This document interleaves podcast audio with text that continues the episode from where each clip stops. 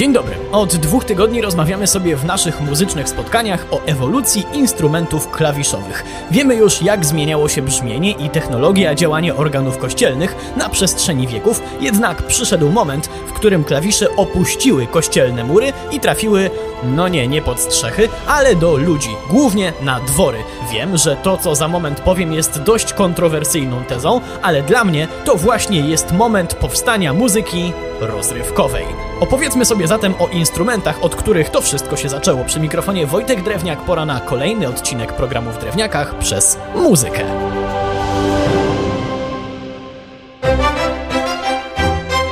Wszystko zaczęło się od szalonego pomysłu jednego z zapomnianych przez historię konstruktorów. Ej, a gdyby tak połączyć klawiaturę organową z instrumentem strunowym?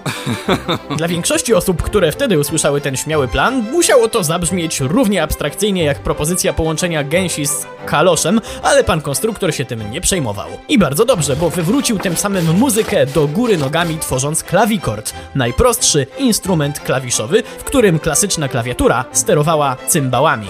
Kiedy to miało miejsce? Niestety dokładnie nie wiemy. Najstarsze dokumenty opisujące klawikordy pochodzą z początków XV wieku. Co odróżniało klawikord od organów kościelnych? No przede wszystkim dwie rzeczy. Brzmienie, o wiele subtelniejsze i gabaryty. Klawikord był płytką skrzynią, którą z łatwością można było transportować, a potem ustawić na stole czy blacie i w sumie już można było grać. A jak wydobywał się dźwięk? Struny były umieszczone równolegle do klawiatury, a do każdego klawisza przymocowany był taki specjalny młoteczek. Po naciśnięciu młoteczek uderzał w konkretną strunę i wydobywał się dźwięk. To pewnie każdy wie, natomiast warto jeszcze zaznaczyć, że młoteczek zostawał na strunie aż do momentu zwolnienia klawisza. Ta konstrukcja okazała się na tyle niezawodna, że pozostała niezmieniona przez prawie 500 lat.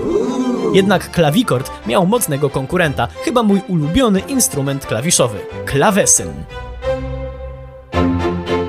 Pierwsze wzmianki o klawesynie znajdziemy w źródłach z początku XIV wieku. Czym klawesyn, albo jak kto woli monochord, różnił się od klawikordu? Oddajmy głos włoskiemu lekarzowi z pierwszej połowy XVI wieku, który tak opisał owy instrument.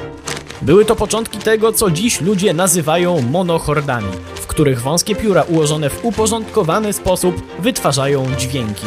Dodane później ostrza z kruczych piór wydobywały z metalowych strun ekspresyjne współbrzmienia. Niby pan Włoch już wszystko powiedział, ale może wyjaśnijmy to sobie po swojemu. Typów klawesynu było kilka, ale metoda działania zawsze była taka sama. Na końcu każdego klawisza, w środku instrumentu był taki kołeczek, a w nim taki specjalny bolec zwany też piórkiem. Naciśnięcie klawisza powodowało szarpnięcie struny przez ów bolec i wydobycie w ten sposób dźwięku. A więc w klawikordzie struna była uderzana, a w klawesynie szarpana.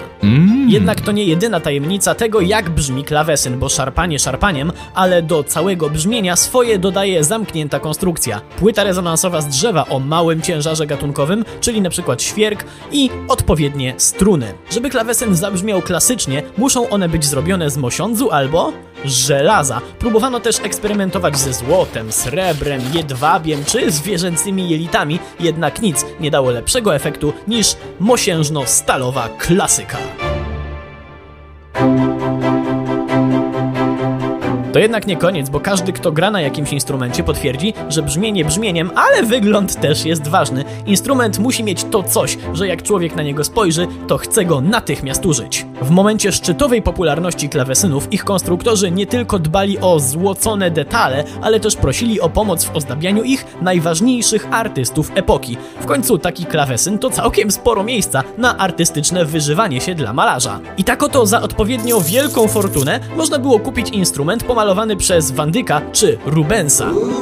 To były prawdziwe dzieła sztuki wizualnie i brzmieniowo i w momencie jak wydawałoby się, że nic klawesynowi nie zagraża, to pewien Włoch wymyślił fortepian. Ale to już historia na przyszły tydzień. Przy mikrofonie był Wojtek Drewniak. Do usłyszenia.